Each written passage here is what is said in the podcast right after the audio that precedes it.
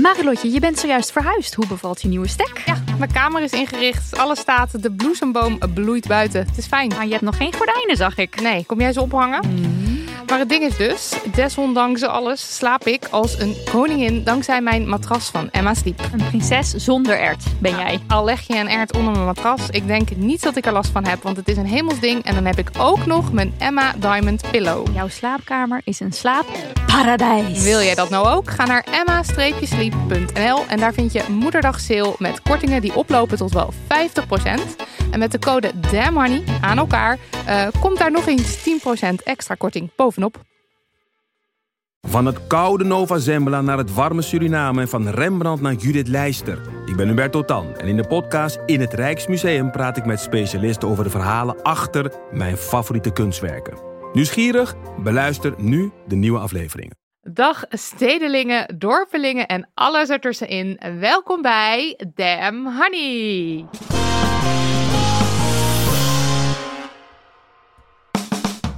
De podcast over shit waar je als vrouw van deze tijd mee moet dealen. Mijn naam is Marilotte. En ik ben Nidia. En dit is aflevering 89. Ja, ja. En vandaag duiken wij in de wondere wereld van de architectuur. Of is het architectuur? Wat jij wil. Architectuur, oké. Oké, daar gaan we. Want met welk persoon in gedachten wordt er eigenlijk ontworpen? Zijn gebouwen wel zo neutraal als ze misschien lijken? Nou, iemand die hier alles en meer over weet is Afaina de Jong. Ze is architect met een eigen bureau genaamd Afarai en ze ontwerpt tentoonstellingen. Bijvoorbeeld Slavernij in het Rijksmuseum is van haar hand en De Tranen van Eros in het Centraal Museum. Ze leverde een bijdrage aan het Nederlands paviljoen op de architectuur Biennale in Venetië. Hallo, hoe cool. Ze geeft les, is hoofd van de Master Contextual Design aan de Eindhoven Design Academy. Ze leidde een feministische boekenclub rondom het onderwerp architectuur en feminisme en maakte daar een podcast over. Ze gaf een TED-talk daarover. Mensen, dit cv houdt echt niet op. En we zijn dan ook echt enorm vereerd dat je vandaag de tijd hebt genomen om bij ons aan te schuiven. Welkom, Welkom. Afaina. Dankjewel. Hallo. Ja, ik vind het ook heel leuk.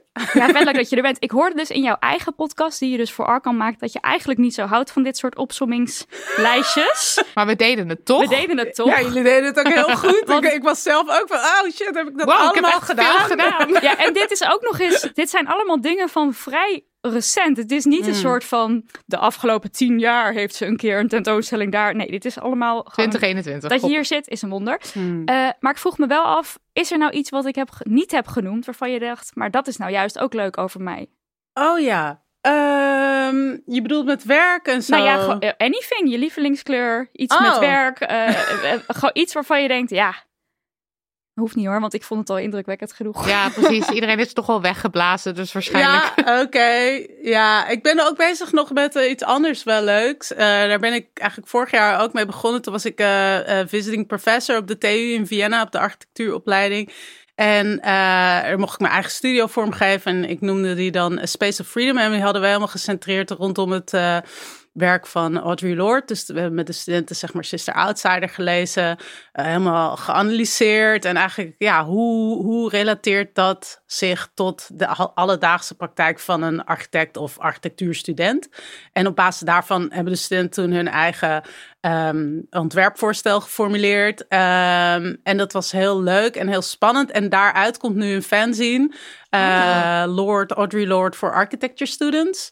Eh zijn we heel cool. druk mee bezig. En eh, ja, ik hoop in de herfst. Ja, het gaat natuurlijk heel langzaam, want het is zo'n soort eh, passion project. Ehm, maar ja, dat komt er. Dat, dat is ook nog van, eh, van uit die periode eigenlijk, wat nu nog een beetje doorloopt. Waar ik heel enthousiast. En ja. is, dat, is dat zien iets wat, wat toegankelijk is voor iedereen of alleen voor... Ja, ja, het wordt wel Heel gewoon een vet. Cool. download. En eh, ja, komt helemaal goed. Yes. Types post het als Ja, het klaar is. ja, Dan ja. gaan we het onmiddellijk pluggen. Ehm, voordat we de wondere wereld van de architectuur in, ik zeg architectuur blijkbaar, induiken. eh, eerst eventjes eh, de Femimist natuurlijk. Nidia, hoe ging jij de Femimist in? Nou, ik ging behoorlijk de feminist in. En jij, mij. Marilotte, met Ja. mij. Het is een gezamenlijke. We gingen samen ten onder. Het is eventjes een verhaal, dus sit back en relax. Het zit zo. Onlangs zijn wij genomineerd voor de Carla Atsema Soroptimistprijs.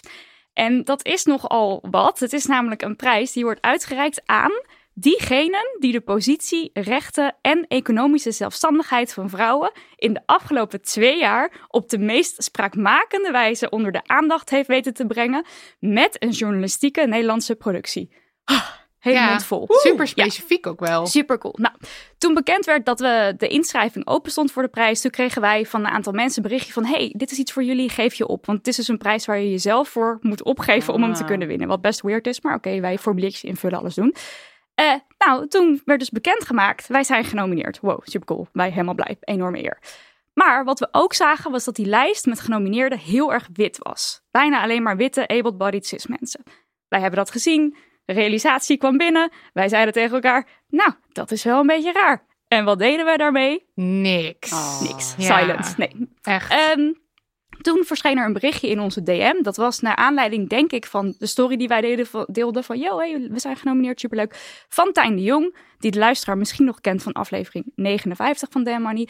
En hij zei, hallo, het is vet wit. Dat is niet letterlijk zijn woorden, maar zoiets. Zo van, strekking. het is vet wit. Heb je dit gerealiseerd? Heb je er wat mee gedaan? Hoe staan jullie hierin? Zo, dat was een beetje het berichtje. Vervolgens zagen we ook nog een Instagram-story van Lia Park. Die kennen onze luisteraars ook nog van aflevering 81. Want eh, zij kaarten ook het gebrek aan diversiteit aan. En ze sprak de organisatie daar ook op aan. Hmm. Dus wij dachten, Kut. why the fuck hebben wij dat nou niet gedaan? Ja. Je krijgt een mailtje, je hebt die realisatie, je hebt het daar met elkaar over, dus je weet dat.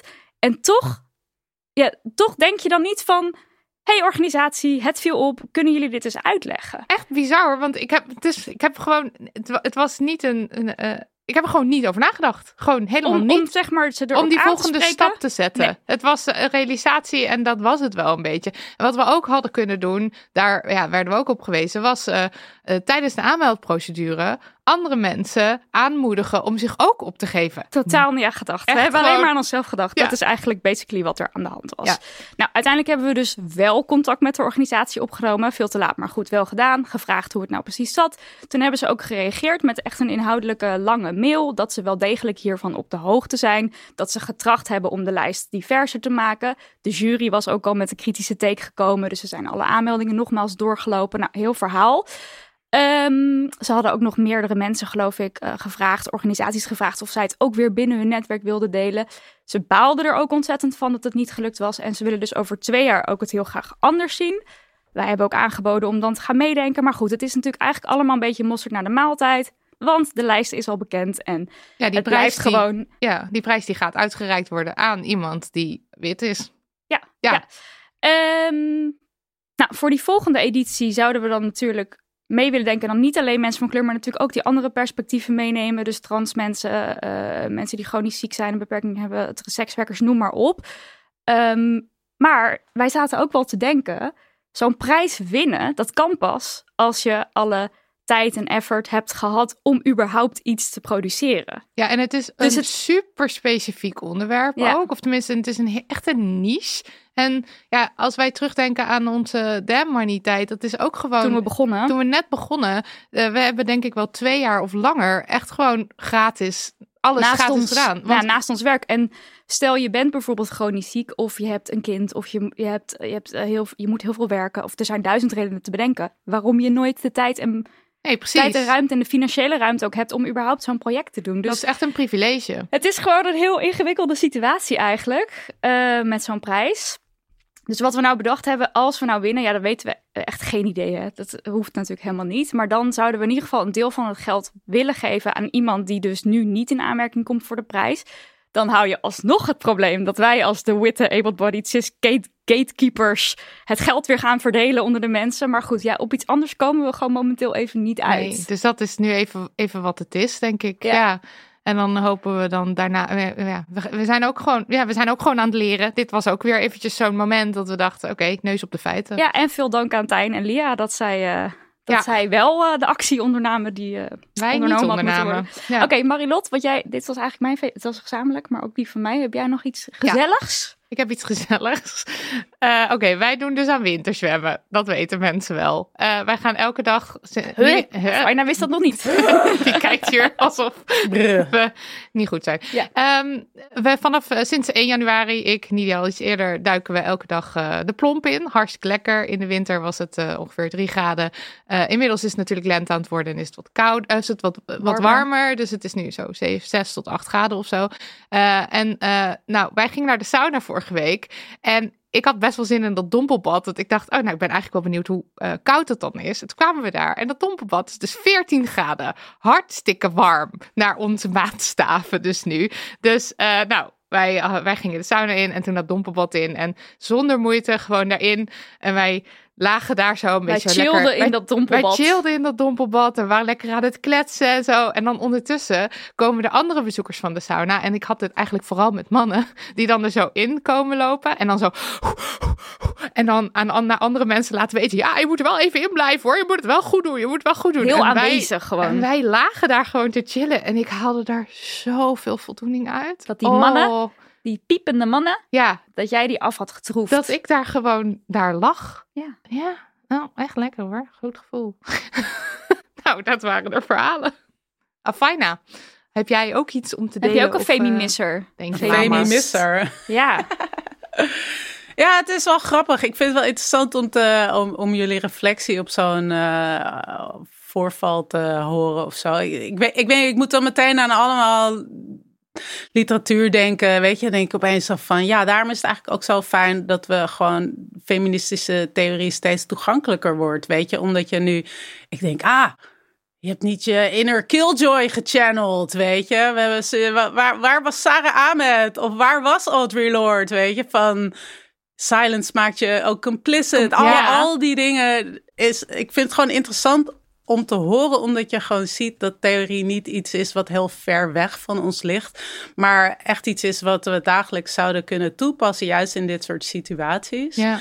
Ehm, en ook denk ik, ja, weet je, gewoon om heel even in de misser te gaan, weet je, van wat is, wat is überhaupt nog de functie van zo'n prijs of zo in, in zo'n tijd, weet je? Dan, ik, ik vind het een hele goede analyse en in die zin denk ik dan, is het niet interessanter voor zo'n prijs om een deel van dat geld op hun initiatief eh, te investeren aan bijvoorbeeld eh, een soort incubator voor journalistiek talent in, Precies. deze, in, in deze niche. Je weet moet je? het voor zijn. In plaats van dat je achteraf beloont, moet je van tevoren zeggen: wat zijn je ideeën? Daarom. Hier is geld. Want geld is altijd nodig. Daarom, Ja. want anders ga je die loop, die blijft hetzelfde. Precies, en dan ja. gaan jullie een stukje weggeven. Maar het is eigenlijk, je bevraagt de prijs en zegt...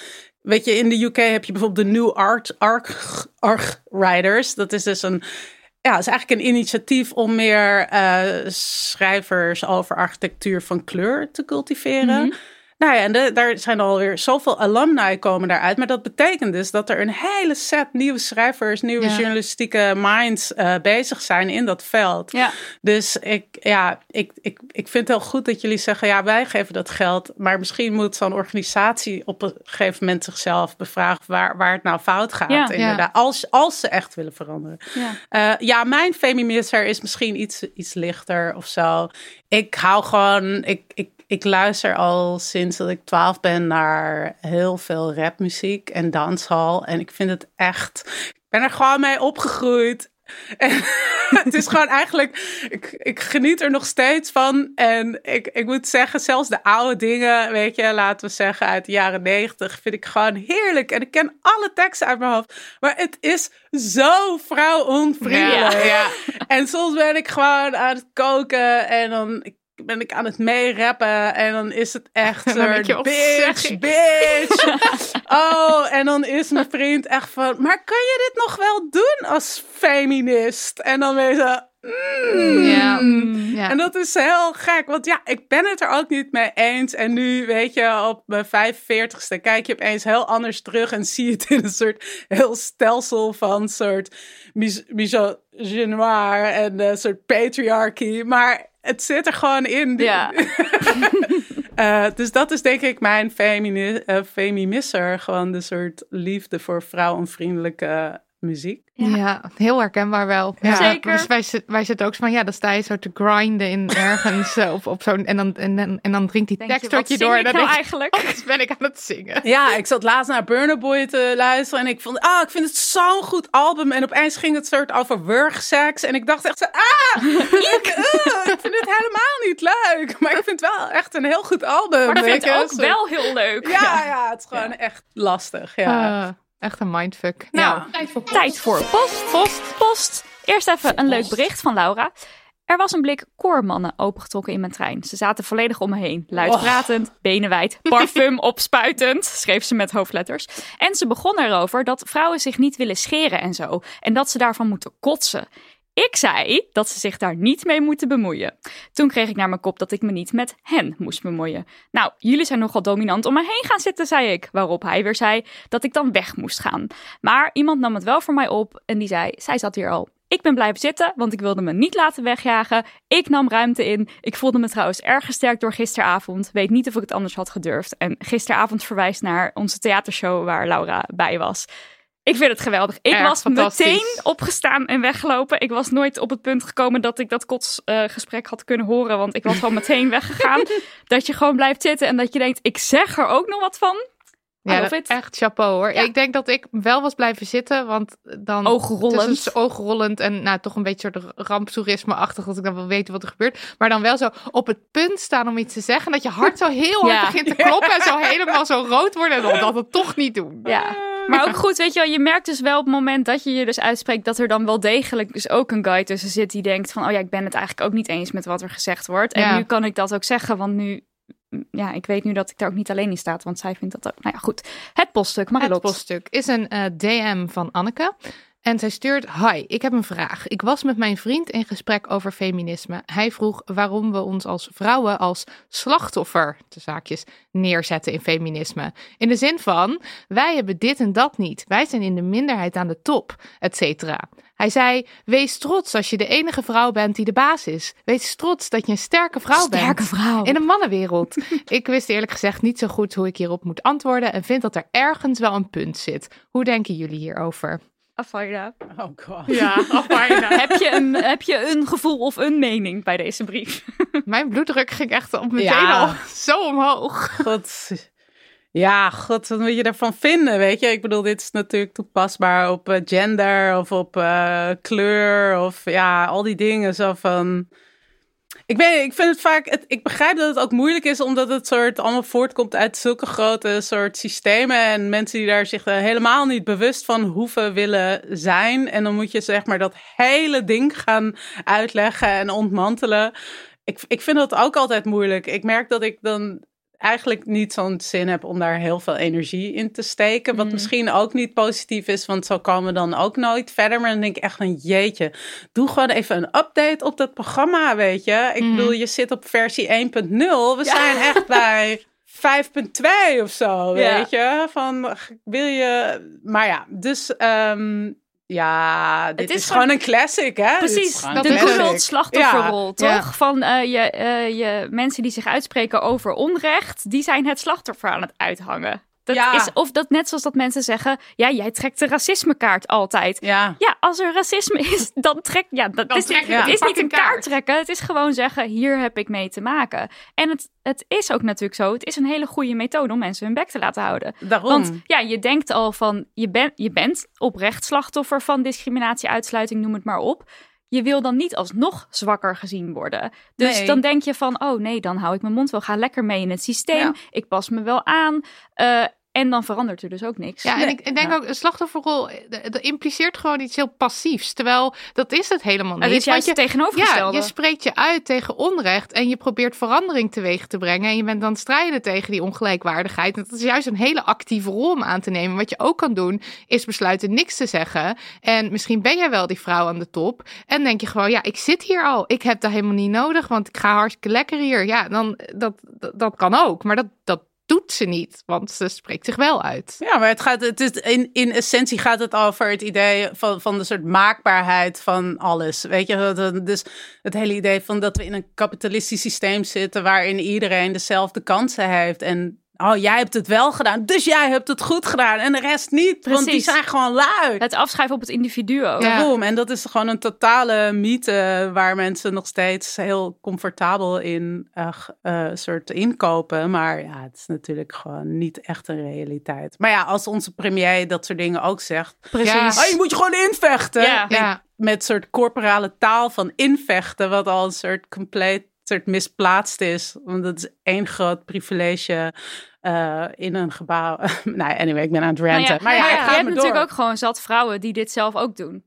Die Ja, zelf ook zeggen van, tuurlijk. ja, het is toch mij gelukt, dus wat zeur je Ja, nou? nou, ik vind dat in, dat is in de architectuur ook heel erg, vind ik. Ja, nu zijn we het, begint het eindelijk, zijn we het aan het doorbreken. Maar ja, ik was altijd wel een beetje van met de vrouw aan de top. Was zo van, kijk, maar ik heb dat toch gedaan. Zonder, Wat is ja, het probleem? Ja. ja, dat is het probleem. Nou, wat, heb je, wat, wat moest je er allemaal voor opgeven? Eh, en in hoeverre moest je overcompenseren? Ben je aan het overcompenseren? Ehm, en dat jij het haalt, wat betekent dat voor anderen? Dat, ja, het is gewoon eh, een classic, hè? Ja. Ja. En, eh, en hij heeft het ook over, eh, ja, wees trots dat je een vrouw aan de top bent in een mannenwereld. D- Dat woord mannenwereld, het is ook zo van, eh, het is nou helemaal zo dat we in een mannenwereld leven. Ja. Hè? En daar heb je gewoon maar mee te dealen. Alsof dat, alsof dat een soort in steen geschreven waarheid is. Als een Ja. steen geschreven manier van hoe de maatschappij in te richten die niet aangepast kan worden. Het is Mm. toch, uiteindelijk willen we toch gewoon dat dat wel aangepast wordt. Dat het dus niet een mannenwereld is, maar dat het een wereld is met gelijke kansen voor iedereen. Ja. Ja. En het begin daarvan is, van die veranderingen, is dus erkennen dat het dus nu niet zo is. En ja, nee, ja, dan heb je dus onze premier die dan zegt, en dan Ja. denk je, nou, zal wel. Ja, Ja. het is gewoon net zoals, eh, nou, anyway, ja. Het systeem moet anders. Ja, En deze man moet zijn mond houden. absoluut. Ja. Sponsortijd. Oftewel, tijd voor HelloFresh. Hello wat? Hello Fresh. De maaltijdboxen van HelloFresh die gewoon bij jou thuis worden geleverd zitten voller dan vol met verse ingrediënten waarbij je gerechten uit je mouw schudt alsof het niets is. En elke week is het weer feest, want dan kun je kiezen uit maar liefst 30 verschillende gerechten. Lekker snel, vegetarisch, vegetarisch. Vegetariërs, you know her. Premium en natuurlijk ook eh, vegan opties eh, Ja. hebben ze ook. Erg heerlijk. Het is allemaal goed. Eh, wat staat er in jouw doos deze week? Nou, doos was gevuld met lente. Met lente uitjes? Ja, die zaten er ook in. Eh, Hmm. Voor bij de vegetarische enchiladas met frisse tomatensalsa en zwarte bonen. Maar met lente bedoelde ik vooral, we nemen langzaamaan afscheid van de hutspotjes, de stampotjes en de stoofpotjes. En hoezeer ik ook van potjes hou en me ermee kan identificeren, ben ik ook heel blij met alle salades die nu in het keuzemenu verschijnen. Ik hoor het al. Hm. Ik kom bij jou eten. Nee. Komt morgen uit, komt vanavond uit. Hoe zit je overmorgen? Nou kijk, het mag. Maandag? Het mag, maar neem een warme jas mee of twee of drie of vier, want weer of geen weer, we gaan het op mijn balkon opeten, want die lente ga ik afdwingen. Ook lente in je doos. Met de code HelloDamnHoney75 en dat schrijf je aan elkaar, krijg je tot wel 75 euro korting op je eerste vier boxen. En dan is het dus zo, hoe groter je box, hoe meer korting je krijgt. Het is altijd lente. Nee, dat kan niet. Wat niet? Dat is geen Damn Honey Original. Nee, nee, wacht, oké.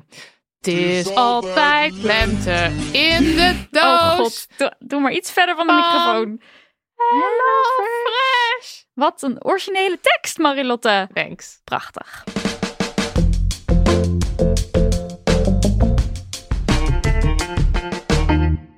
Moeten het even hebben over ruimtes en hoe die zijn ingericht. Als we praten over of nadenken over ongelijkwaardigheid, komen we al snel uit op thema's als onderwijs, politiek en wetten. En aan de hand van die thema's wordt zichtbaar dat sommige groepen status of macht hebben, terwijl andere groepen juist worden uitgesloten, geen toegang hebben en of gediscrimineerd worden. Een andere plek waar je misschien niet zo snel aan denkt, maar waar ongelijkwaardigheid ook te zien is, is de architectuur. Hoe ruimtes, gebouwen en steden ontworpen worden, zegt veel over machtsstructuren. Want wie is waar welkom? Wiens veiligheid staat voorop? Wie voelt zich waar thuis? En over dit mateloos interessante onderwerp praten we vandaag met jou, Afaina. Ehm, met welke persoon in gedachten werden en nou ja, worden nog altijd gebouwen en steden ontworpen? Hm. Grotendeels dan, hè?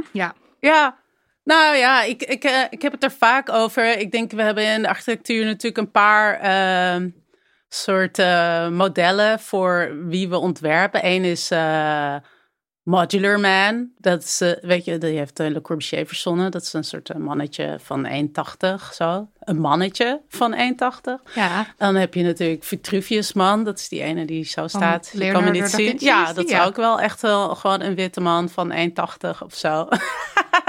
en ehm, nou ja, dat zijn eigenlijk soort de universele mens. Ja. Dus dat is een, een witte man, die is, nou, hoe oud zou die zijn? Ik weet het niet, 30, hij Zoiets, is 1,80, ja. hij kan alles. Able-bodied. Able-bodied, nou, je, je kent hem wel. Ja. Ehm, en wat, wat ik interessant vind, is dat dat dan de universele mens is. Dat is de gemiddelde mens of zo. Ehm, en ik vind het heel interessant, want als ik het hier dan over heb, dan zeggen mensen ja, maar. En dan zeg ik, nou, god, waarom gebruikt men niet dat intersectionele framework dat, van denken en ook. ehm, en zeg maar ja, maar als we heel specifiek gaan ontwerpen, namelijk voor een vrouw van kleur in een rolstoel die ook trans is, ja, dan wordt het echt heel ingewikkeld en wordt het zo specifiek. Dat is echt heel lastig. En ja, maar we, we, we ontwerpen toch al voor een heel specifiek ja. iemand. Ja, ja. Weet je, dus, en dan, eh, dus wat ik interessant vind, is dat we dan die theorie hebben uit het feminisme van eh the margin as the center. Hè? Maar dat blijkt echt wel een soort, ja, dat, dat blijken we moeilijk te vinden. Want dan denk ik, ja, we hebben de marge, ja, dat is wel moeilijk en dat wordt te specifiek.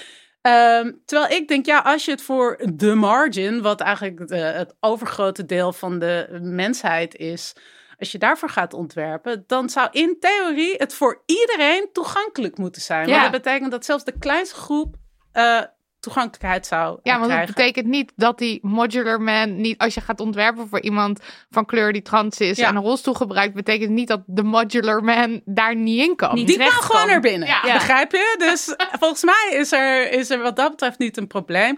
Ik denk dat het begint natuurlijk eh, met dat eh, in de traditie van architectuur eh architecten altijd een opdrachtgever hebben.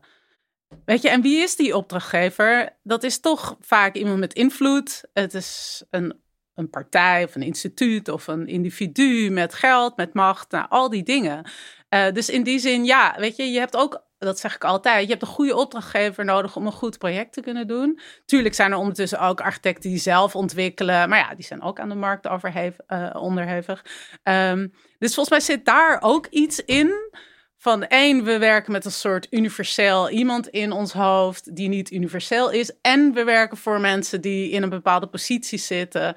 ehm, en misschien dus ook niet een sociale agenda hebben. Ja, en die universele, dat universele type, dat, is, dat wordt natuurlijk gezien als een neutraal, als een ja, neutraal iemand. Ja. Terwijl alles wat daarvan afwijkt is meteen dus inderdaad specifiek, wat je net ook al zei. Ja, ja. Betekent dat dan dat gebouwen, als die, die witte man van 1,80 niet neutraal is, betekent dat dan dat gebouwen eigenlijk ook niet neutraal zijn? Nee, dat denk ik dus niet. En ik denk dus dat ook het modernisme, en dat is iets wat ons wereldbeeld natuurlijk ongelooflijk heeft, eh, heeft beïnvloed. eh, en ook de architectuur heeft beïnvloed. Daardoor, weet je, wij ontwerpen bijna allemaal in een soort modernistische traditie. Eh, en die gaat uit van dat we een soort rationele ruimtes hebben, weet je. En die zijn wit en die zijn een beetje hoekig. Ehm, nou ja, en die, die, die geven ook een soort waarde vorm. Weet je, die hebben inherent een soort idee van vrijheid.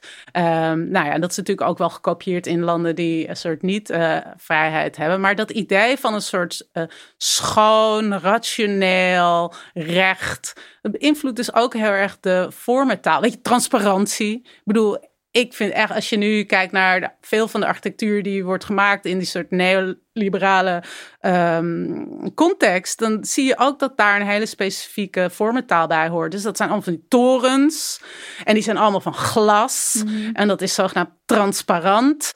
Eh, maar er zit natuurlijk van alles achter wat helemaal niet transparant is. Hè? Qua ehm, geldflows, nou ja, ehm, nou, van alles eigenlijk. En als je ervoor staat, is het een soort van super Ja, intimiderend. ja, ja. en dat, dat vind ik dus ook, dat is een van de dingen waar ik zelf veel mee bezig ben, schaal, weet je, van, eh nou, in die Modular Man, we zijn toch altijd bezig met schaal. En ik had altijd als kind, ik, ik ging veel naar musea en, en gebouwen, dat ik me eigenlijk best wel vaak geïntimideerd voelde door gebouwen. En dat ik eigenlijk nu begrijp dat ehm, dat ook is omdat er, dat erin ontworpen is. Begrijp je dat, Dat, je... zit er echt in de kern al. Ja, er zit in de kern een soort eh, eh, het gevoel van macht. Eh, van nou ja, oké, misschien in een kerk probeer je natuurlijk ook, weet je, een grote ruimte. Je probeert misschien een idee van iets hogers, iets groters. De mens als een soort kleinere entiteit. Nederig. Nee, weet je, dat soort dingen, dat, dat, die worden gewoon echt ontworpen. Ja. Ehm, en dat zit hem vaak in schaal, het zit in materiaalgebruik, in licht. Ehm, dus in die zin vind ik het ook interessant om te kijken, ja, wat als je met die dingen gaat spelen? Is er een andere vormentaal die zou kunnen vormgeven wat zeg maar de meerderheid van al de mensen, en die noemde ik in Venetië dus de multiplicity of other, wat zou dat voor architectuur zijn? Ja. Weet je? En, en het is natuurlijk heel interessant, het zit natuurlijk in organisatie van de plattegrond, in toegankelijkheid, maar het zit ook in, eh, in de, de, de kleur, de vorm. Ehm, dus ik, ik ben eigenlijk op zoek naar een soort nieuwe vormentaal. Ehm, ja.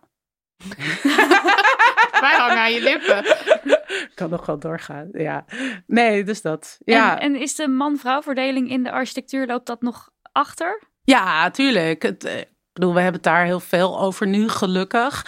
Ehm, eigenlijk eh, door de jaren heen waren, was het altijd een soort 50-50. Hè, op de architectuurscholen beginnen we 50-50. Nou ja, dan heb je al dat de me- het docententeam is vaak eh, eh, helemaal niet 50-50. Ik heb nooit les gehad van een vrouw. Ehm, en dan na het afstuderen, dan zie je dat in die tien jaar na afstuderen, dat er nog maar 10 tot 20 procent van vrouwen overblijft. Ah, Hmm. oké. Er zijn weinig vrouwen met een eigen bureau. Ook in het mid-management van bureaus. Ja, dat stroomt eigenlijk niet echt door. En natuurlijk heb je een paar succesverhalen van eh, vrouwen die partners zijn. Of inderdaad wel hun eigen bureau hebben. Maar ja, het, is, het, is, eh, het zou wel beter kunnen als je ervan uitgaat dat we beginnen met 50-50. Ja. Ja, ja, want toen je dat net zei, dacht ik, oh, huh, wel 50-50. Ja, maar het lo- loopt dus allemaal weer, het Ja. lo- het loopt eruit. Dus dat, dat zegt toch iets over de eh, professie, over hoe de bureaus zijn ingericht, wat de werkdruk is, ehm, hoe, hoe er om wordt gegaan met de, eh, wat vrouwen nodig hebben binnen, binnen het bureaus. Ja. En ook van ja, het is ook niet leuk om de hele tijd eh, te moeten vechten misschien. Tuurlijk, Nee, je, wil wel, eh, dat- je wil wel, maar het is ook Je wel... raakt uitgeput ook. Ja, het is ook uitputtend, weet je. ja, en is het nodig? Ik bedoel, hoezo, is- hoezo is dat vechten de hele tijd dan... Hoezo Ja. moet dat eigenlijk? Ja. Nou ja, ik denk, ik bedoel, ja, vechten, vechten is ook soms een groot woord. Je maar gewoon ambitieus ambities hebben. nee, het zijn gewoon klein. Ja, ik, ik, ik vond het gewoon in het begin eigenlijk heel interessant om te zien dat mijn mannelijke vrienden, als ze 27 waren en een groot bouwproject deden, dat dat echt niet werd bevraagd door soort projectmanagers of aannemers. Dat het gewoon was, nou ga maar zitten aan tafel en vertel. Ja, Eh, maar dat toen ik 27 was en het theater ging bouwen, dat het echt eh, dat, dat ik benaderd werd alsof ik de stagiaire was en Oh ja. echt niet wist hoe je een afdakje zou kunnen tekenen. Dat ik echt denk, ja, sorry, ik ben ook gewoon bouwkundig ingenieur, weet Ja. je. Ehm, en dan moet je dus de hele tijd, elke meeting, ehm, bewijzen dat je weet waar het over gaat. Oh, ja, ja. Eh, je woord erin tussen krijgen. Het is gewoon. eh, en natuurlijk, ik doe dat wel. Maar ja, ik kan me wel En daar mag voorstellen. trots op en daar zijn. mag ik heel trots op zijn dat ik geen slachtoffer ben.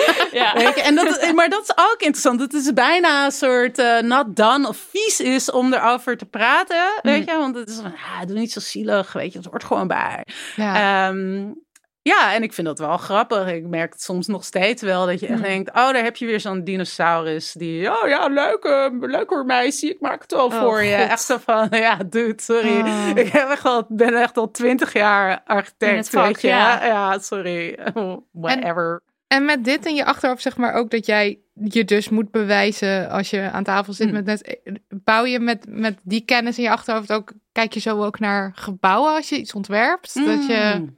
Oh ja, dat is wel interessant. Ehm, nee, dat niet. oké Dat niet. Ehm, maar ik merk dus dat ik daardoor. Ik, er zijn gebouwen die ik heel mooi vind, maar dat ik toch vaker geïnspireerd raak door andere kunstvormen. Mm. Of dingen die wel met. Weet je, zeg maar, als ik naar Solange kijk of zo, dan vind ik het heel interessant wat zij doet met dat gebouw en haar interactie met het gebouw. Weet je, dus ik probeer. Ik merk dat ik nu gebouwen meer beoordeel op wat hun relatie is tot mensen. Hmm. Ehm, dan hoe prachtig het is op, dat, op die mooie foto. Of zo. Weet je, want het werd op een gegeven moment ook, wordt het ook gewoon heel fashionable. En dan is het, ah ja, mooi materiaal op die gevel. Ah ja, dat uh, representeert wel heel goed dat jullie ongelooflijk veel geld hebben in deze organisatie. Weet je, maar wat is de, hoe, hoe, maar hoe gaan de mensen ermee om? En hoe werkt deze plek? Weet je, bijvoorbeeld... Um, ja, als ik naar Palais de Tokyo ga, vind ik dat een geweldige plek. Ik vind ook hoe het is vormgegeven. Ze hebben eigenlijk dat hele gebouw gestript. Dat was natuurlijk zo'n soort uh, wereldtentoonstellingssite. Nou, juist gewoon helemaal gestript. Maar ook de buitenruimte van die plek wordt gegeven aan de mensen van Parijs. Weet je, er wordt de hele dag geskate. Niemand die er moeilijk over doet. Dat mensen soort over oude standbeelden heen olieën en zo.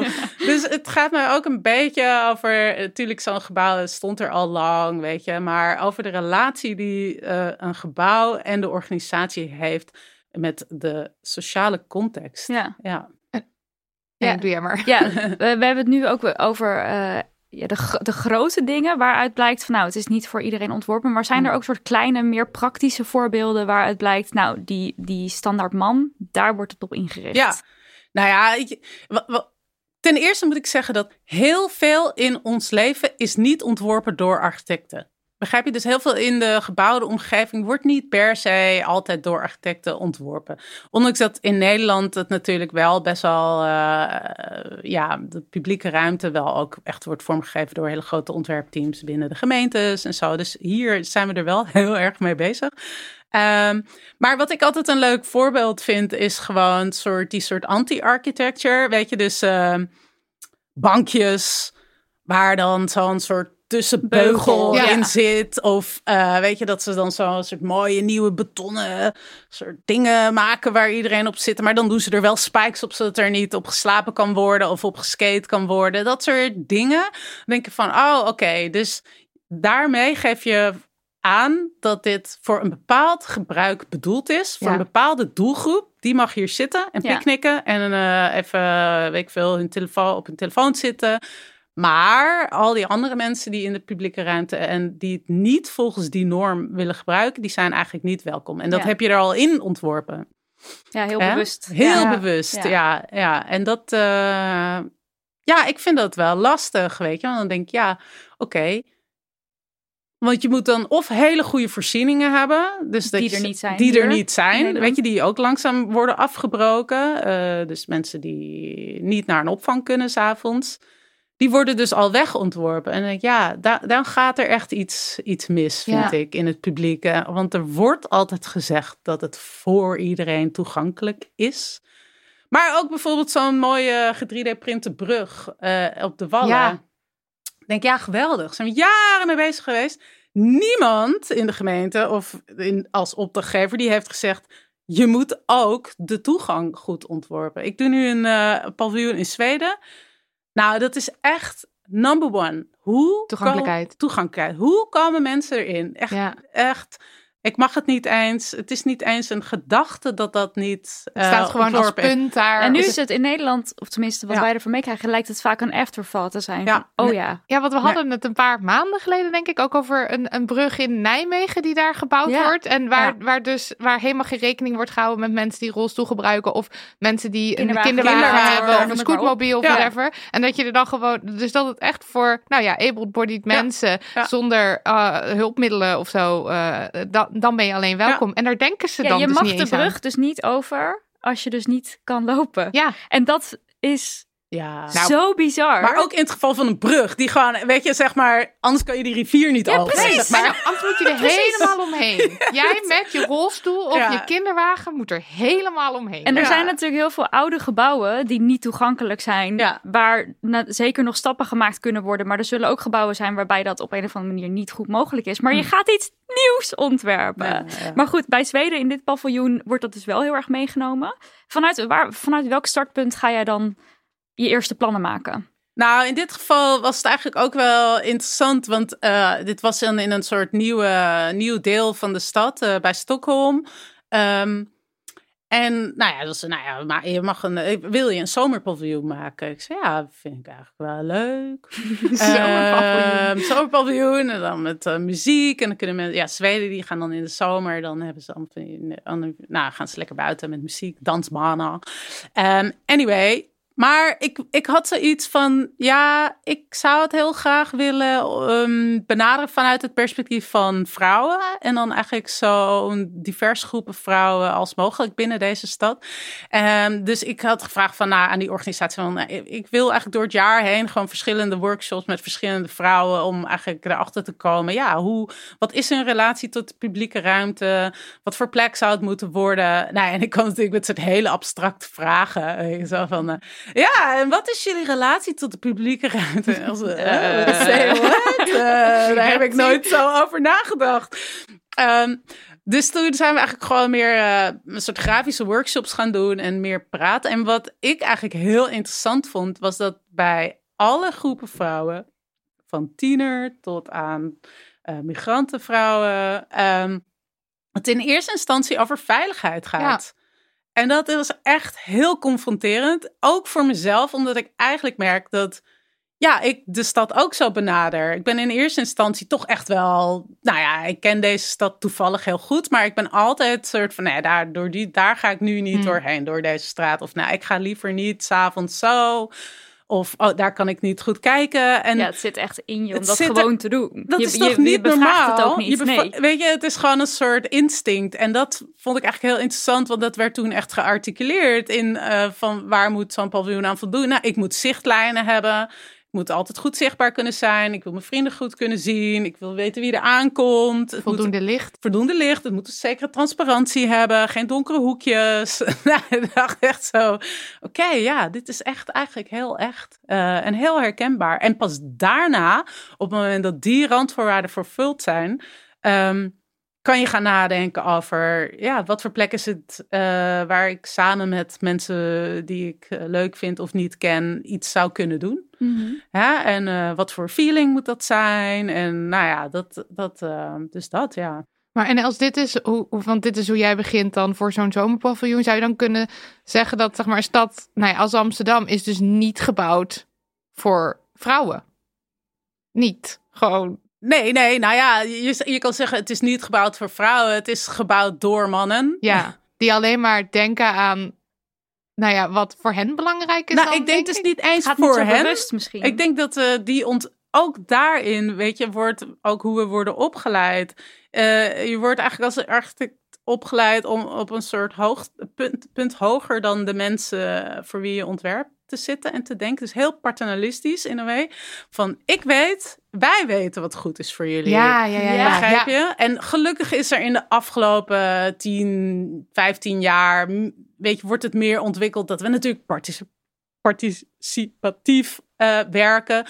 Daar zitten wel tradities van in de architectuur, uh, zoals Christopher Alexander. Maar het is toch ook moeilijk, want ook daarin is het van, ja, maar wie participeert er met je mee. Ja. Weet je, wie heeft er tijd om te participeren? Ja, krijg je weer eigenlijk ja. dat hele ding ook weer Zelfs van geld. Mensen en... met geld, die Ja. kunnen wel Ja. gratis even Ja. een uurtje of twee. Ja. Of hoeveel inspraak hebben mensen? Want je hebt natuurlijk ook mensen die zeggen, ja, wij willen gewoon dat het zo is. En dan is maar de vormgever ja, maar ik weet dat toch wel beter. Dus ook Ja. daarin, weet je, van wordt het een gemene deler?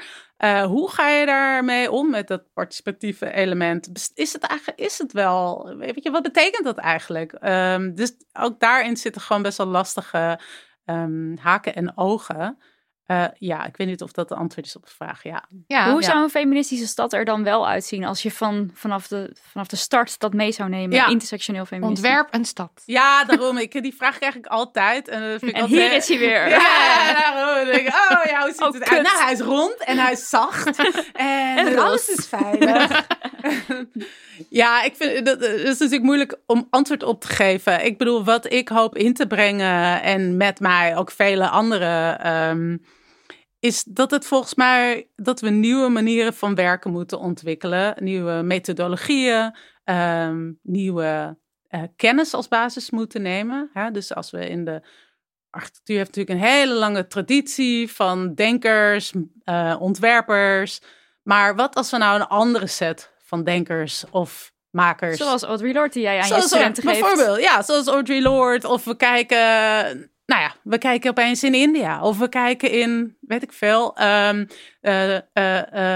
dus de, de Sami mensen, de natives in Zweden. Weet je, wat als we een andere set van kennis als basis nemen voor de architectuur die we maken voor mensen?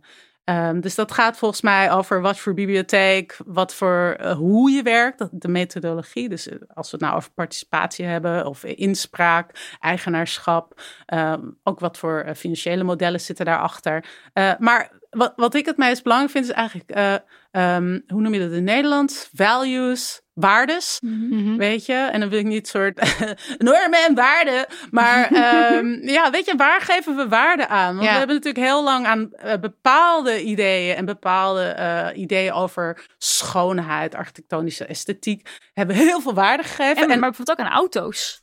Auto's. Vet veel ruimte ja, voor auto's. Auto's, daar moet heel veel plek voor zijn. Ja, dat zeker moet niet allemaal... het klimaat. Klimaat ook niet. Dus wat is er van waarde Ja. Ja. als we gaan ontwerpen? En volgens mij uh, is dat de feministische stad.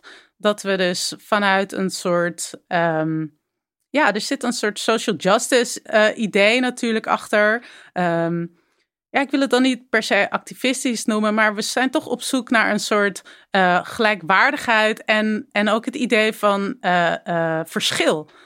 Weet je, dat dat niet is, is wat je glad hoeft te strijken en dan tot iets universeels hoeft te komen, maar dat difference gewoon naast elkaar kan bestaan. Ja.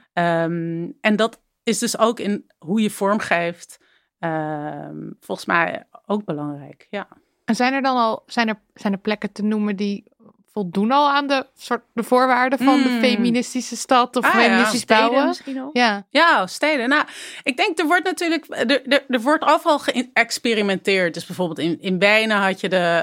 Um, uh, gender, daar zijn ze al bezig met het vormgeven van, van soort gender in urban planning. Mhm. Mm -hmm. um, maar tegelijkertijd denk ik, ja, er zijn natuurlijk ook, als we wat verder terug zouden kijken, zijn er ook gewoon, als je naar kleinere steden kijkt, die zijn eigenlijk een soort natuurlijk gegroeid vaak. Weet je, dus misschien zijn er ook soort vernaculars als we kijken naar. Um, ja, ik weet niet. Ik wil nu niet heel cheesy klinken, maar... Mag, mag gewoon er maar in. Ja, weet je, ik zat uh, laatst iets te kijken over die fractals en zo. Dus dat zijn dan die soort um, Afrikaanse steden. En die zijn dan allemaal kleine soort dorpen. Die zijn allemaal opgebouwd uit een soort... Nou, nu ga ik het heel slecht uit, uitleggen. Maar weet je, die zijn dan echt op community ontworpen. Um, en aan elkaar gelinkt. En die hebben een soort hele specifieke architectuur ook. En dan denk ik, ja, ik vind dat eigenlijk ook interessant om meer naar dat soort voorbeelden te gaan kijken. En te kijken of dat vertaalbaar zou zijn naar hier. Zelf ben ik eigenlijk meer geïnteresseerd in, in de publieke ruimte. Omdat ja. dat de plek is waar we allemaal met elkaar um, ja. uh, te maken hebben. En um, ja, sorry. Nou, en je ziet ook wel dat publieke ruimtes, ze zijn dan misschien wel publiek. Ja. Dus legaal gezien, je mag daar naar binnen lopen. Ja. Maar zorg er maar eens voor dat iedereen zich daar ook op zijn gemak bij voelt. Maar Ja. ook wat je, wij liepen bijvoorbeeld gisteren over het spui heen. En daar had je vroeger gewoon banken, waar, Ja. je, waar je gewoon lekker kon zitten. Ja. Hoefde je niet te betalen. Nee. Nu staat het volgepland met terrassen. Dus je moet wel degelijk betalen om op het spui te kunnen zitten. En al dit soort dingen, dat is echt doordat ik allerlei podcasts met jou heb geluisterd. En nu ook Mm. boeken hierover heb gelezen. Dat ik denk, wow, het is echt everywhere. Ja, het is everywhere. En dat is dus interessant van, wij denken nog dat eigenlijk de publieke ruimte publiek is. Maar heel veel publieke ruimte is helemaal niet publiek. Is Nee. gewoon private aan Ja. het worden. Of weet je, zoals NDSM is niet een per se publiek. Of het Westerpark is niet, het is een publieke ruimte, maar het is eigendom van een groep mensen. Ja, Begrijp ja, ja. je? Van, En die is- doen wat zij ermee willen. Ja, Ja. dit is, uh, zit in hun portfolio. Weet En daardoor je? komen er mensen die op hen lijken, Ja. komen naar het park toe. En de rest wordt dan toch een beetje, ja, ja, je en- wordt een beetje weggepoetst. Ja, weet je. En, en ge- gelukkig is het nog redelijk uh, uh, open. Maar ja, het is tegelijkertijd ook, uh, kan het ook heel problematisch worden. En daar heb je best wel voorbeelden van. Bijvoorbeeld in Londen heb je het, het stadshuis. Dat staat gewoon op grond die niet van de stad is. Oh, Begrijp je? ja. Dus dat is, als daar mensen protesteren in theorie... Zou de, zou de eigenaar van Ze weg kunnen. ja, ze weg kunnen sturen. Daar was eigenlijk Occupy ook heel interessant. Want, uh, en ik woonde toen in New York. En, uh, Kan je dat nog kort uitleggen wat dat is voor mensen die oh, dat niet kennen? ja, sorry. Dus dat was in 2011 of zo. Um, en dat was in Wall Street. En daar was een plein, Zuccotti Park. Uh, en dat werd op een gegeven moment gewoon bezet door nou ja, mensen. En die waren aan het demonstreren tegen van alles. En dat vond ik eigenlijk heel tof, want het was heel breed. Uh, en er was niet een soort een hele gestructureerde lijst van demands, maar in ieder geval wel een soort ontmanteling van het kapitalisme. Systeem, ja. In, in essentie. ja. um, uh, maar wat heel interessant was, dat werd dus een, gewoon een soort kamp. En iedereen woonde daar. En opeens was er een bibliotheek en er werd gekookt. En er was een, een, een, was een ziekenhuisboeg. En er waren steeds van die soort... Um, hoe noem je dat ook weer? Ta town halls en zo. En het was echt een hele, hele leuke uh, vibe. Maar dat was dus ook privé uh, terrein eigenlijk. Hmm. Dus dat leek op een soort publiek uh, square. Um, maar, oh ja, wat was het verhaal nou? Ja, want in New York gaan de parken s'avonds dicht vaak. De kleinere parken die gaan s'avonds dicht. Maar dat was hier dus niet, want het was een publiek, een, een privé privately owned public space. Dus er stond ook op het bordje soort van, nou ja, je mag hier uh, wel komen en zo, bla bla bla. Nou, op een gegeven moment is dat helemaal schoongeveegd.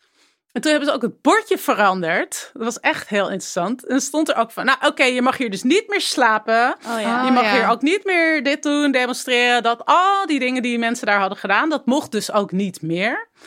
En ik vond dat echt wel, ik dacht zo, wauw, het was zo een prachtig voorbeeld in die zin. Ja, van hoe je gewoon weggeveegd wordt. Ja. En dan, en dan mag het ook niet meer. Nee, en dan, dan verander je gewoon de regels, want die macht heb je. Ja.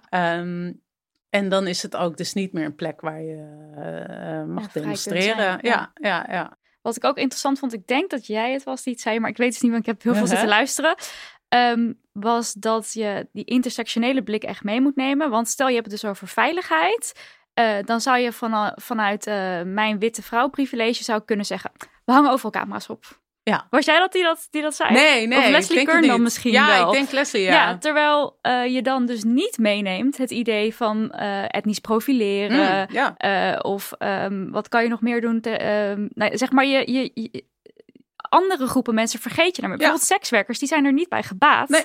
Dus jij kan wel als, uh, uh, als niet-sekswerker zeggen van overal camera's. Ja.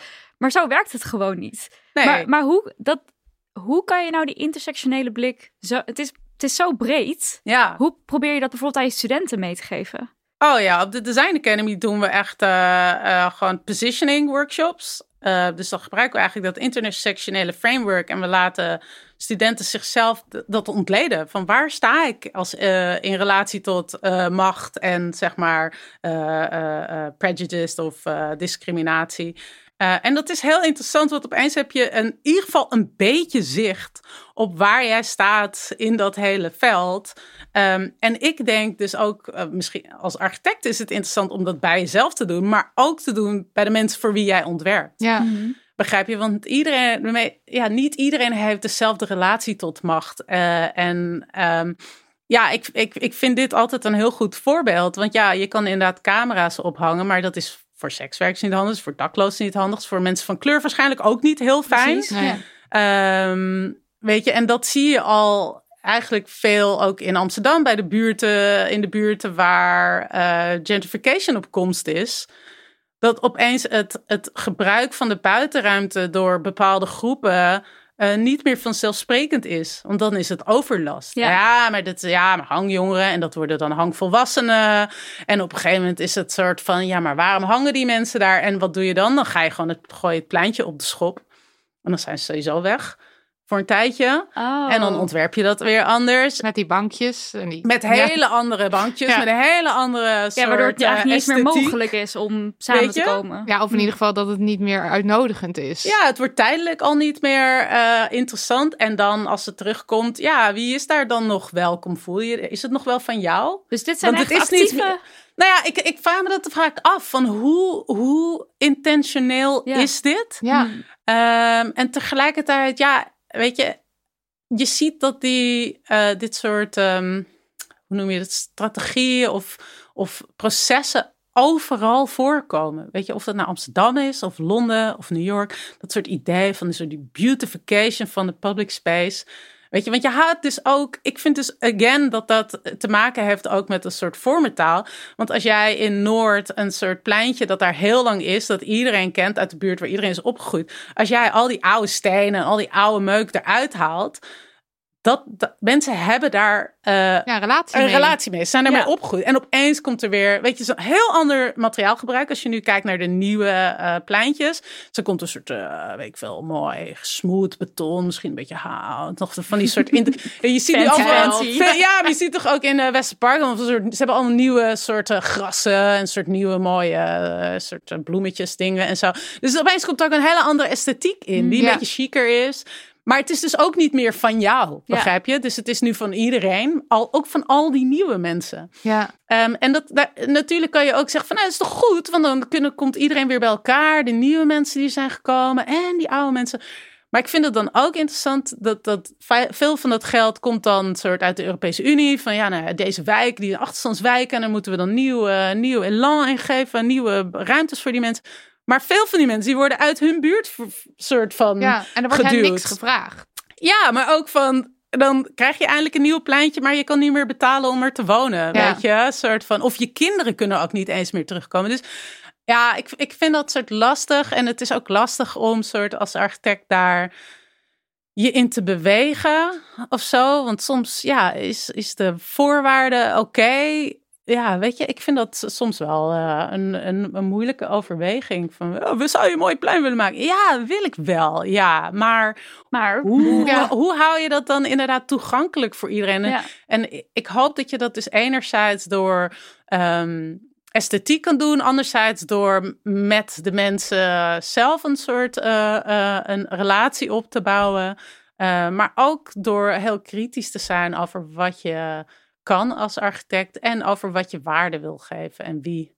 Ehm, ja, Ik kan Dus- me voorstellen dat veel mensen gewoon denken, oh, prestigeproject, let's go. En dat ze dus helemaal niet bezig zijn met... ja, ja, met, met hoe erg een buurt erop zit te wachten. Dus het, dus het is een beetje, eh, ja, nou ja, het loslaten van dat paternalistische. Ik weet wel wat goed is voor jullie en ik, ga, ik heb gestudeerd, dus ik ga dit niet voor je fixen. En, en dus meer kijken naar wat zijn de eh, relaties van de, van de mensen met deze plek en hoe sta ik zelf hier. Ja, en gelukkig is er ook echt wel, weet je, ik denk uit de soort financiële crisis van 2008 is, is ook echt wel een soort nieuwe generatie architecten opgestaan die, die ook op een andere manier willen werken, weet je, en, en dit ook zien. Dus het is ook niet alleen alsof ik soort in mijn eentje me hier er boos eentje aan het doen. ja, me boos over maak. Ik, ik zie gewoon dat heel veel mensen dit nu aankaarten. En ik ben daar ongelooflijk blij om. Want ja, met meer stemmen dan. ehm, ja, weet je, heb je ook meer kans om een volgende generatie te inspireren om ook er anders naar te kijken. En, Ja. ehm, dus wat dat betreft denk ik overal wel positief, ja. Ja, je gevoel over de toekomst is positief. Nou, nee, oké. Als we echt eh, over het eh, Ja, kom maar. grote geheel nadenken, ben ik helemaal niet positief. Dan denk ik, god, we zijn allemaal heel leuk aan het ontwerpen, maar straks staan we onder water. Eh, ja. en, Ja. En, en, en we gaan veel te langzaam om soort een, een, een radicale verandering te maken in hoe we op deze planeet willen voortbestaan. Dan Ja. denk ik, ja. Dus nee, zo positief ben ik nou ook weer niet. Nee, Ik- ik, hoorde jou in de podcast over, kijk hoor, Ja. Nooit meer slapen. Oh, hoorde ik je ja. ook zeggen van je, je moet ehm, ook dan theorie meenemen uit meer de ecologische hoek. En Ja. eh, dat gebeurt dan nu niet of niet genoeg. nee, Eh, en nou ja, sowieso allerlei andere denkframes ja. en kennis Ja. ook meenemen bij het eh, ontwerpen van een gebouw of van een ruimte of een stad. Daarom. Denk ik, maar dan denk ik, ja, weet je, vanuit het feminisme hebben we ook ecofeminisme, we hebben xenofeminisme, we hebben allemaal, weet je, genoeg ideeën erover. Ik denk gewoon wat je in de ecologie of in de eh, vindt, zijn dezelfde soort problemen in die zin, weet je. Uh, ik bedoel, uh, de ene groep die he, heeft geen toegang, weet je, die die is vaak slachtoffer in soort het hele ecologische disaster dat er Mhm. komt.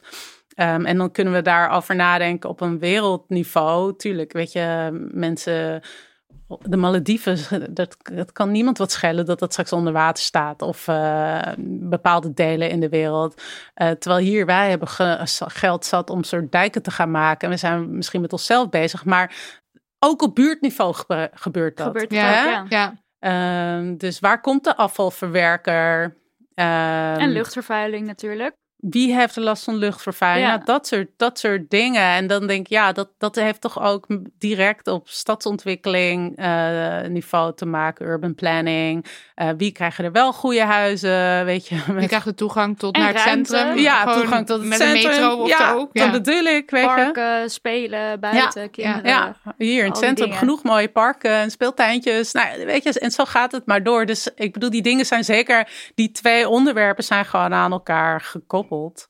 Ehm, Lot to do. ja. Ja. Laten we afsluiten met de vraag hoe dan de toekomst van de architectuur er volgens jou uitziet.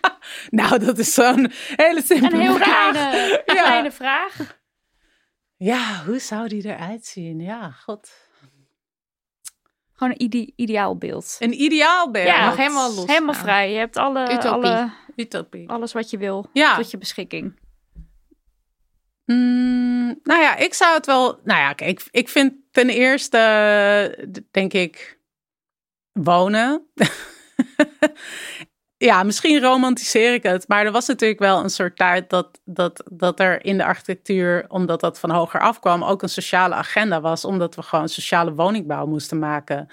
Ehm, en je moet je voorstellen dat, ik bedoel, nu heb je de koopflats, eh, had je in de Bijlmer. Maar dat zijn, waren wel woningen van 100 vierkante meter. Sociale huurwoning van 100 vierkante meter met licht, lucht, groen. Al die dingen. Nou, dat is natuurlijk gewoon ondenkbaar, Ja. weet je nu. Mhm. Eh, terwijl ik denk, ja, waarom moeten we dat niet willen voor mensen? Ehm, dus dat is denk ik één. Ik, eh, ik zou willen dat we weer op een soort ehm, genereuze manier kunnen nadenken over wonen voor iedereen. Ehm, tegelijkertijd moet dat gekoppeld worden aan, aan een soort ecologisch, e- ecologisch denken. Weet je, in de tentoonstelling die ik maak, ja, ik, ik wil niet meer dat het gewoon in een vuilnisbak gaat daarna. Ik wil dat het circulair is. Ik, Ja. vind, ik vind dat het gewoon niet meer kan. Er is gewoon schaarste. Ehm, ja, dat, dat is, dat, ik vind dat belangrijk. Eh, ik hoop dus dat we dat als architecten en vormgevers allemaal belangrijk gaan vinden. Ehm, en dat we daar gewoon toe gedwongen worden door de situatie waar we nu in zitten. En ik denk, ik hoop gewoon dat, eh, dat aan de basis in educatie eh, er een grote shift kan zijn in, in, in hoe we lesgeven, wat de waarden zijn. Ehm, dus ehm, wat voor kennis we daarin belangrijk vinden om over te dragen naar de volgende generatie. Wat we hun inprenten dat belangrijk is als zij gaan werken. ja. Ehm, en ook daarin zit natuurlijk, weet je, wij werden opgeleid zo van uh, oh, hoe harder werken, hoe beter. Ja, en lekker van bouwen, bouwen, bouwen. Allemaal nieuw, nieuw, nieuw. En 500 verschillende ideeën maken in drie dagen. All-nighter.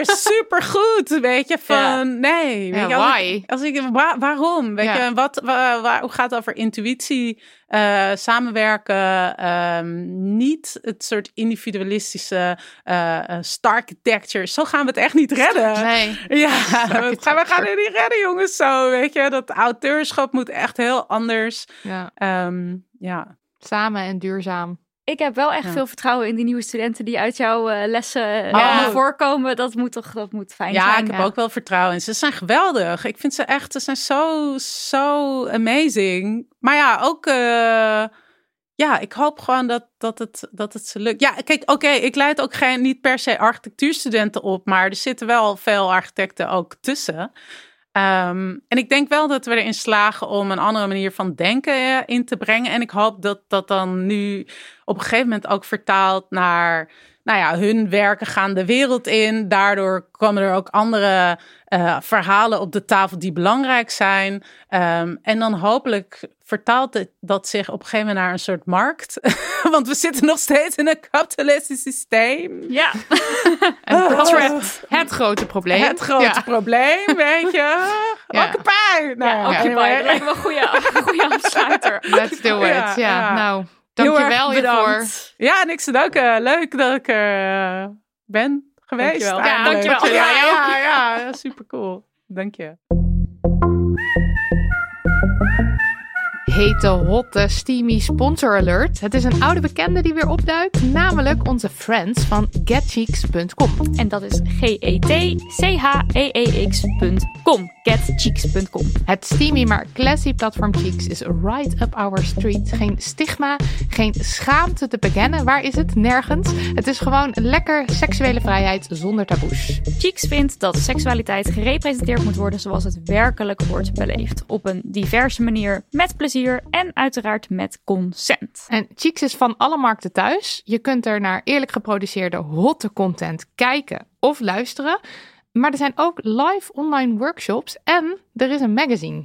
Ik heb, ben dus nog helemaal niet toegekomen aan de workshops. Ik heb wel al van alles geluisterd en gekeken en I love it. Maar Nou, ik zit dus nu even bij die Wat, workshops eh, te koekeloeren. ja, wat, waar moet ik aan denken? En er staat hier dus een next event op 12 april is het eh, Sensual Domination.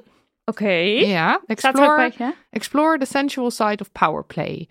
En hier is een How to Start a Threesome Oké. op 19 april. Heb jij, eh, heb jij interesse in een threesome? Ik, ik denk het niet, maar ik zie hier eh, orgasmic breathwork. En dat lijkt me wel heel Oh, ja, interessant. Dat past heel erg bij jou. Ja, en ik had dus laatst, ik weet niet of je dat ooit hebt gehad, maar ik ben volgens mij afgelopen week of zo in mijn droom klaargekomen zonder iets te doen. En Oh, ik, dat heb ik maar echt één keer in mijn leven gehad, geloof ik. ik werd er wakker van, omdat ik mezelf eh, klaar gedacht had, denk ik. En ik heb dan het gevoel, zou dit dan een beetje hetzelfde, dat je, dat je met, met soort van geen idee. ademen en een soort van je concentreren of zo, dat je dan klaar kan komen? Of gaat het echt over, ik weet niet. Ja, En misschien dit is het wel me- je orgasme verlengen of zo met eh breathwork. Oh ja, dat zou kunnen. Er staat in ieder geval, even kijken hoor, learn more. Get ready to breathe your way into pleasure and orgasmic energy. Nou, dit klinkt helemaal... En dat zijn dan allemaal leuke, interessante mensen die je workshops dan eh, online geven. Ja, dat denk ik. Even kijken hoor. In these workshops, Brian will offer his knowledge and insights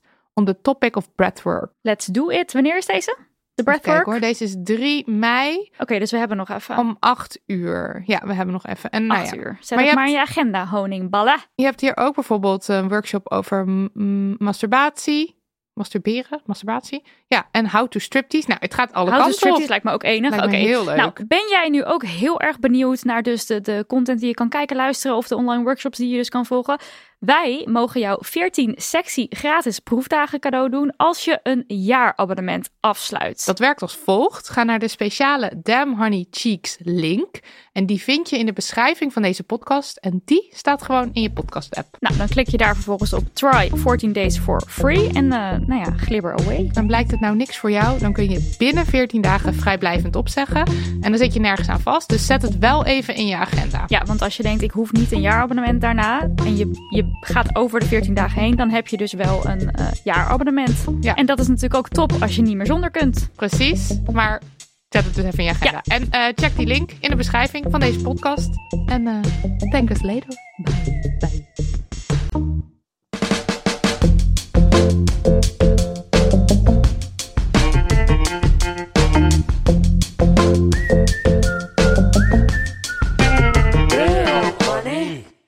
Tijd voor onze afsluitende rubriek, de Damn Honey Yes en No. En even voor de, voor de luisteraar, want handig om te weten. Mhm. Afina die is weer eh, back to eh, coole dingen doen. Ja, ze kwam als een Vette wervelwind binnen en ze ging als een wervelwind weg. Ja, dus eh, je hebt alleen ons over. Hallo, Hallo. hallo met ons. Hallo. Marilot, jij hebt de Damn Honey No. Wat is iets waar jij boos van werd afgelopen week?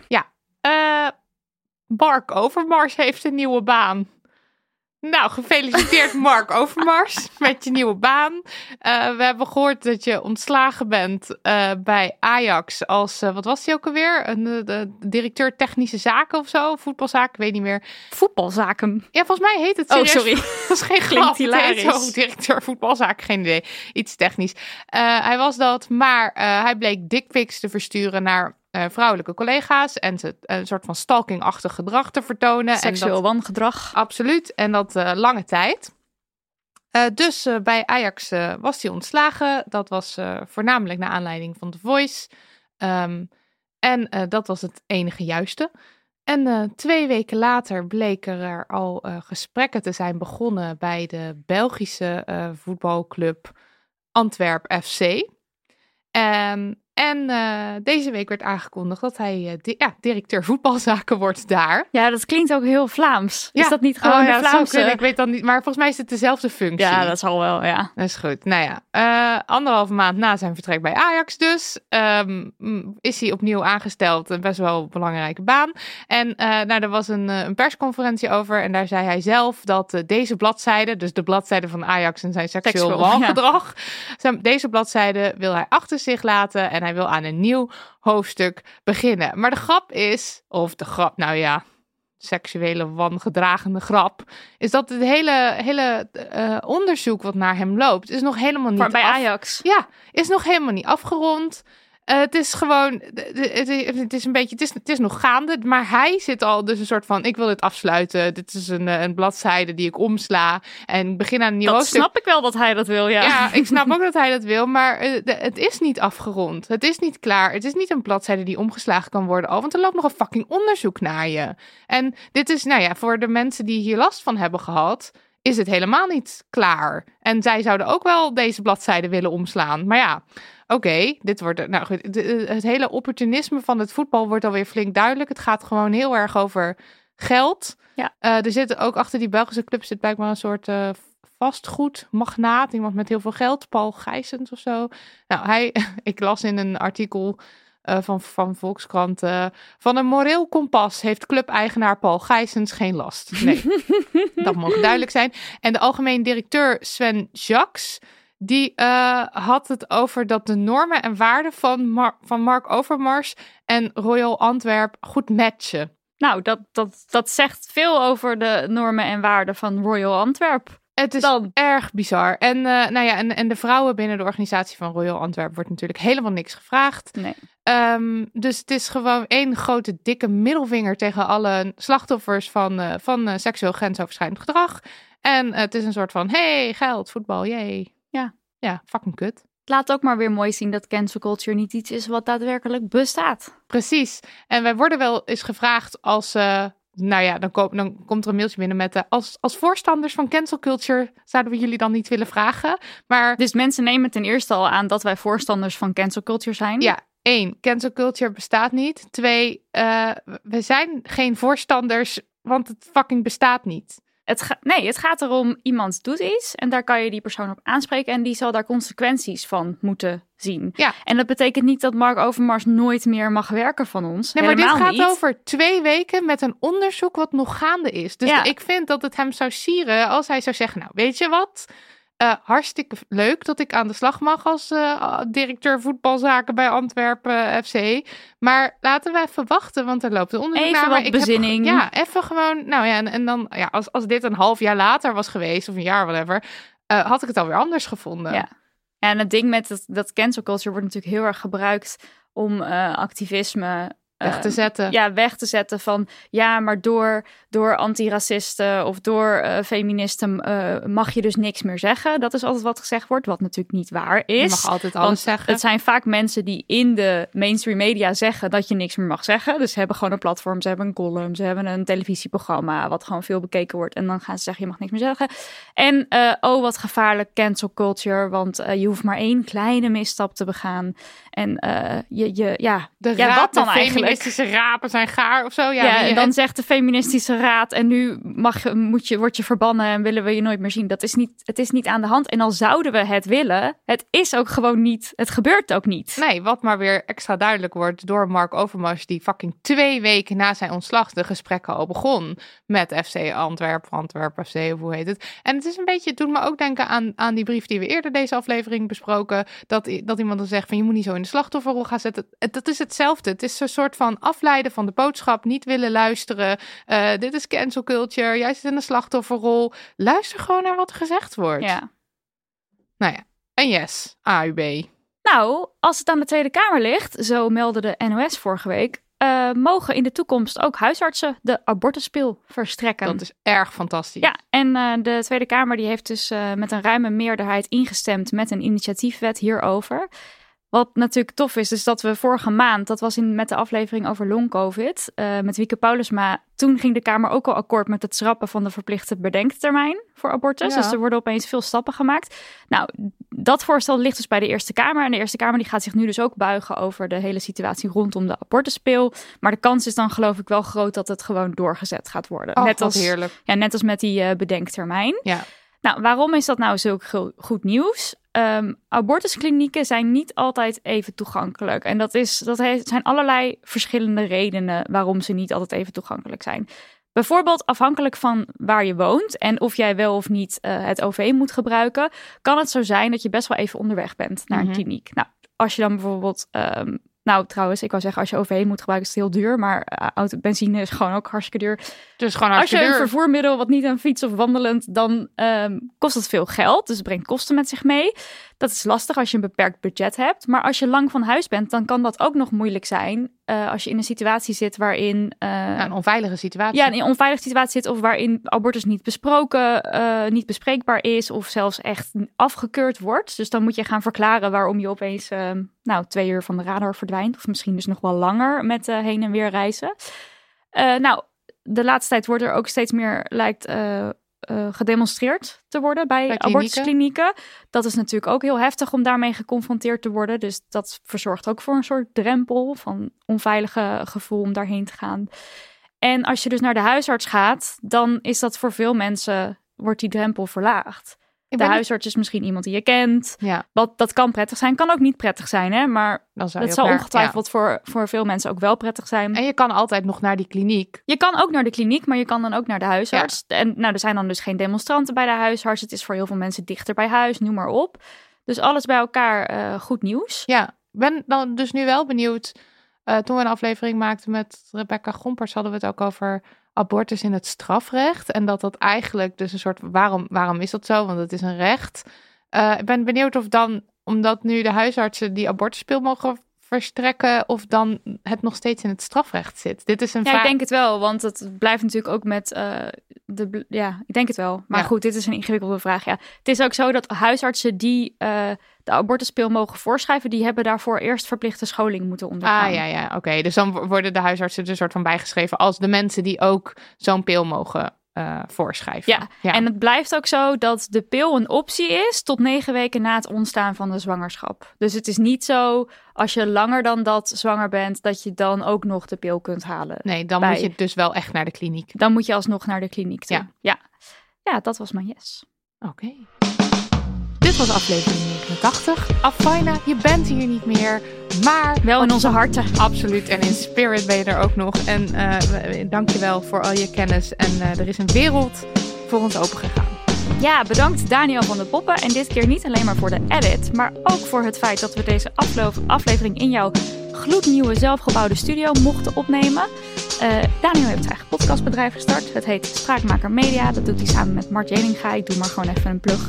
Ja. Want waarom niet? En we zitten dus nu gewoon in zijn zelfgebouwde studio, die vet professioneel is. En hij heeft een tuin. Hij heeft zelfs een tuin. Oh, en de vogeltjes. Die... Nou, het is heerlijk hier. Het, het is heerlijk, dus heel erg dank. Uh, ook natuurlijk bedankt aan Lucas de Gier voor de jingles en Lisbeth Smit voor de website damhoney.nl, waar je ook de show notes van deze aflevering kan vinden. En dat is damhoney.nl slash aflevering streepje 89. Hallo en erg veel dank aan alle geweldige mensen die ervoor zorgden dat het transcript van aflevering 87 en 88 in no time op onze website stonden.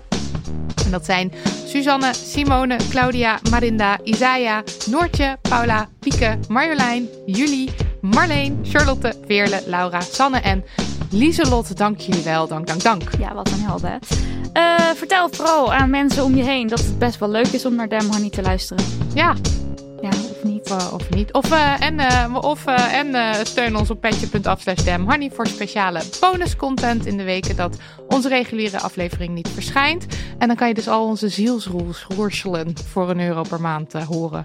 Dus dat kan je ook doen, of niet. Doe het allemaal niet. Ja, of wel. Doe het allemaal wel. Zelf weten. Doei! Dag lieverd.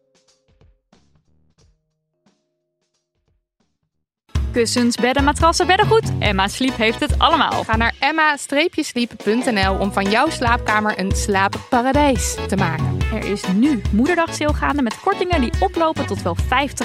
Gebruik de code DAMHONEY voor nog eens 10% korting daarbovenop.